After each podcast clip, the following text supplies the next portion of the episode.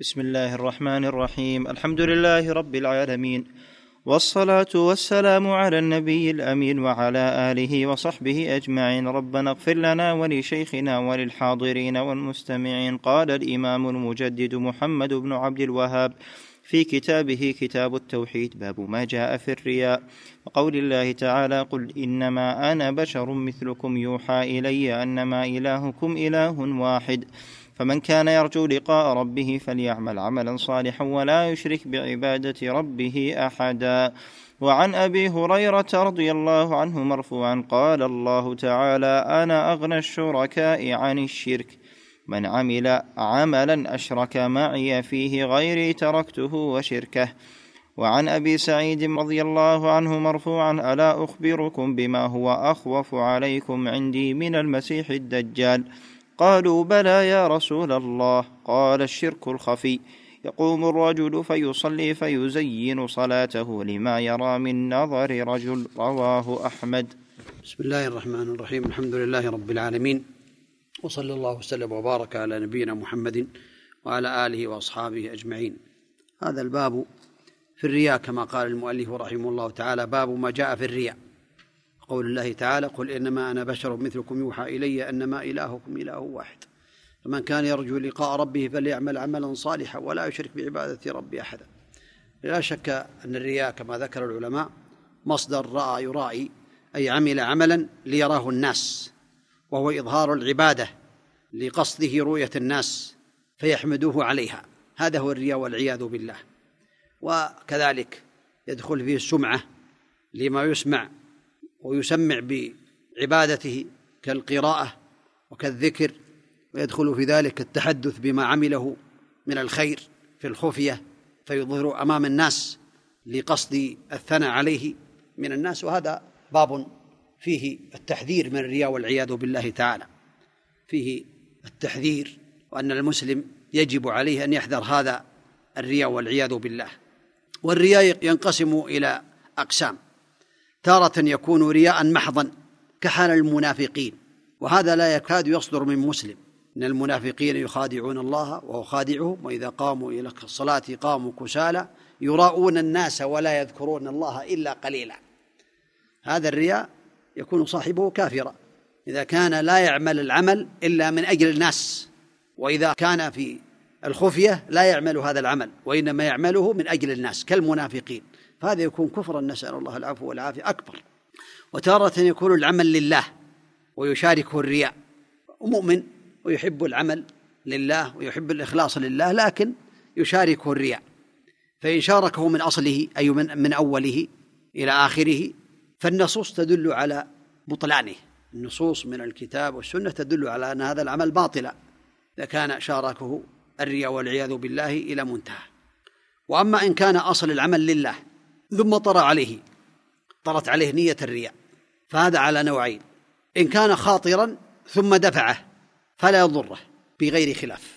كان يصلي أو يعمل عملا صالحا لله تعالى ثم طرأ فكر في الرياء لغير الله تعالى ثم دفعه. واستعاذ بالله من الشيطان وأقلع قلبه عن ذلك وأخلص عمله لله فهذا لا يضره. وإن استرسل معه فهل يحبط عمله؟ يعني استرسل معه كان خاطرا ولكنه ما دفعه. استرسل معه إلى آخر عمله نسأل الله العفو والعافية. هذا كذلك منهم من قال يبطل نسأل الله العفو والعافية. وهذا هو الظاهر والله أعلم. ولكن ذكروا بأن الرياء إذا دخل في العمل فإما أن يكون العمل أوله مربوط بآخره فهذا يبطل إن استمر معه الرياء من أوله إلى آخره مراءة للناس والعياذ بالله. أما إذا كان العمل لا يرتبط أوله بآخره منفصل. فيبطل ما كان فيه الرياء ويكون مقبولا ما لم يدخل الرياء. مثال ذلك إنسان مر على فقير أمام المسجد فتصدق بعشرة ريالات رياء من أجل أن يحمد ويقال بأنه يعني آه، كريم. وتصدق بعشرة أخرى إخلاصا لله تعالى يريد وجه الله تعالى. فالأولى رياء غير مقبولة والعمل هذا باطل والثانية مقبولة.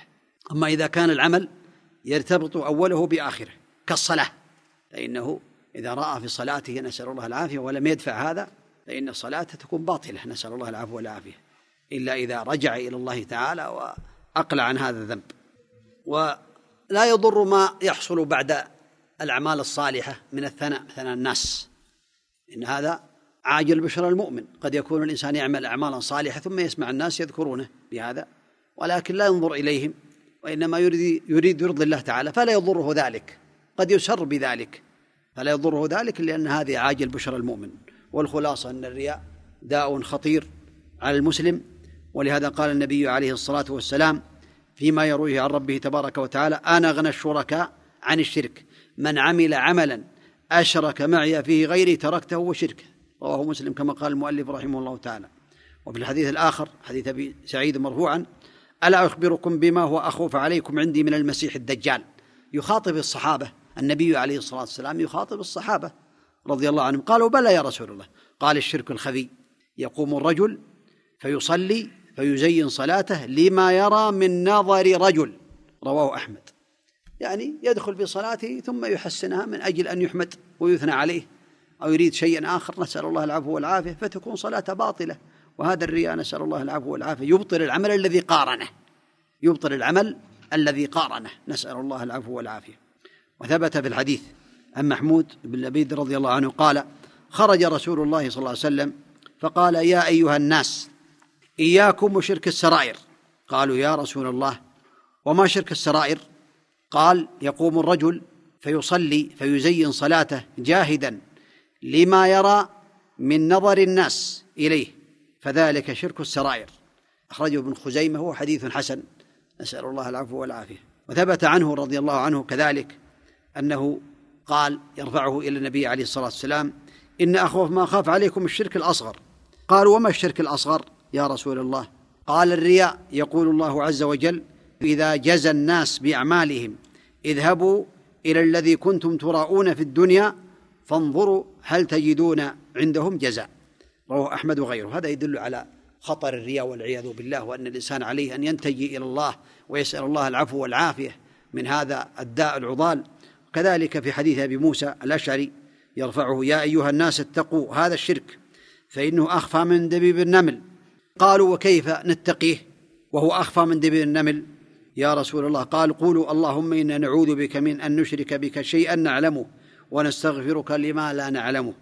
رواه أحمد. هذا كفارة هذا الشرك الأصغر الرياء أن يقول اللهم إني أعوذ بك أن أشرك بك شيئا أعلمه وأستغفرك لما لا أعلمه. وعليه أن يسأل الله العفو والعافية في الدنيا والآخرة. وهذا الصحابة خاف النبي عليه الصلاة والسلام عليهم الرياء. فنحن أولى بالخوف أخوف من المسيح الدجال لأن العابد قد يقع له شيء من ذلك إن لم يكن عنده علم بكتاب الله ولا بسنة النبي عليه الصلاة والسلام ولا بمعرفة التوحيد ولكن على الإنسان أن يلجأ إلى الله ويسأل الله العفو والعافية من هذا البلاء. يسأل الله تبارك وتعالى أن يقلب قلبه على طاعته وأن يعيذه من الرياء والسمعة. والنبي عليه الصلاة والسلام قد قال من سمع سمع الله به ومن يرائي يرائي الله به يوم القيامة. من سمع بأعماله أي في قراءته في ذكره في غير ذلك من أعماله يسمع بها يذكرها بأني عملت البارحة كذا.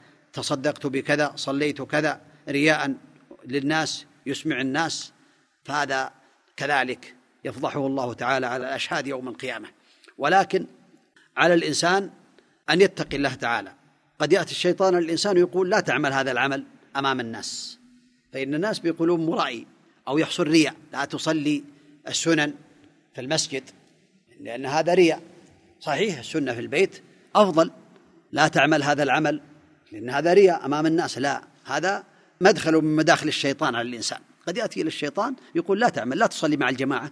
بعضهم حتى بلغني بأنه لا يصلي مع جماعة المسلمين يخشى الرياء والعياذ بالله. هذا من الشيطان. لا عليه أن يستعين بالله وأن يستعيذ بالله من الشيطان وأن يقوم بالواجبات ويبتعد عن المحرمات ولا يترك شيئا أوجبه الله من أجل الناس ولا يعمل شيئا حرمه الله من أجل الناس. وإنما يسأل الله التوفيق والتسديد والإعانة. ويبشر بالخير ومن يتق الله يجعل له مخرجا. أسأل الله عز وجل بأسماء الحسنى وصفاته العلى أن يجعل أعمالي وأعمالكم خالص لوجه الله الكريم. صلى الله على نبينا محمد. سم.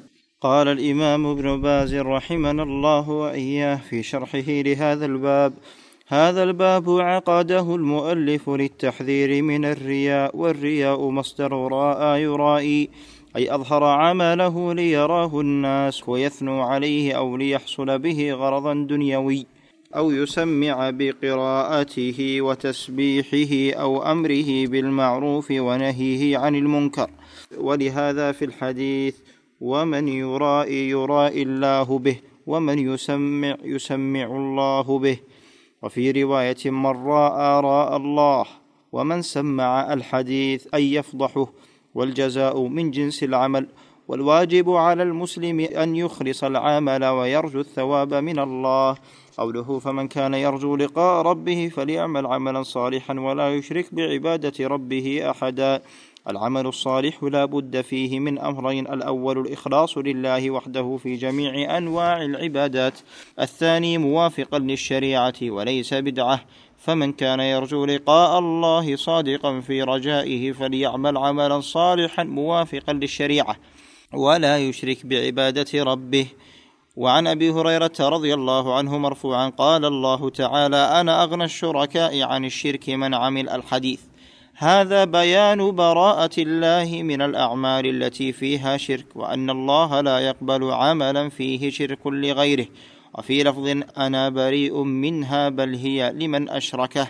فهذا يدل على وجوب الإخلاص ويقول الله يوم القيامة للمرائين اذهبوا إلى من كنتم تراءون في الدنيا فانظروا هل تجدون عندهم جزاء. وهذا يدل على خطورة الرياء خاصة على العباد. فخاف على الصحابة وهم أفضل الناس لأن الرياء يقع في الصالحين ويبتلون به كغيرهم ويتساهلون به. وفي الحديث الصحيح عن أبي سعيد رضي الله عنه مرفوعا ألا أخبركم بما هو أخفه عليكم عندي من الدجال الحديث. والدجال ممن يمكن أن يعرف بعلامات لكن الشرك الخفي أشد منه لأنه يكون في القلوب ولا يطلع عليه الناس لكن قد يعرف بعلامات تظهر على صاحبه ويقول النبي صلى الله عليه وسلم فيما صح عنه أخوف ما أخاف عليكم الشرك الأصغر فسئل عنه قال الرياء يقول الله يوم القيامة للمرائين. الحديث انتهى كلامه رحمه الله. نسأل الله عز وجل لنا ولكم العلم النافع والعمل الصالح والتوفيق لما يحبه ويرضاه. صلى الله وسلم وبارك على نبينا محمد وعلى آله وأصحابه أجمعين.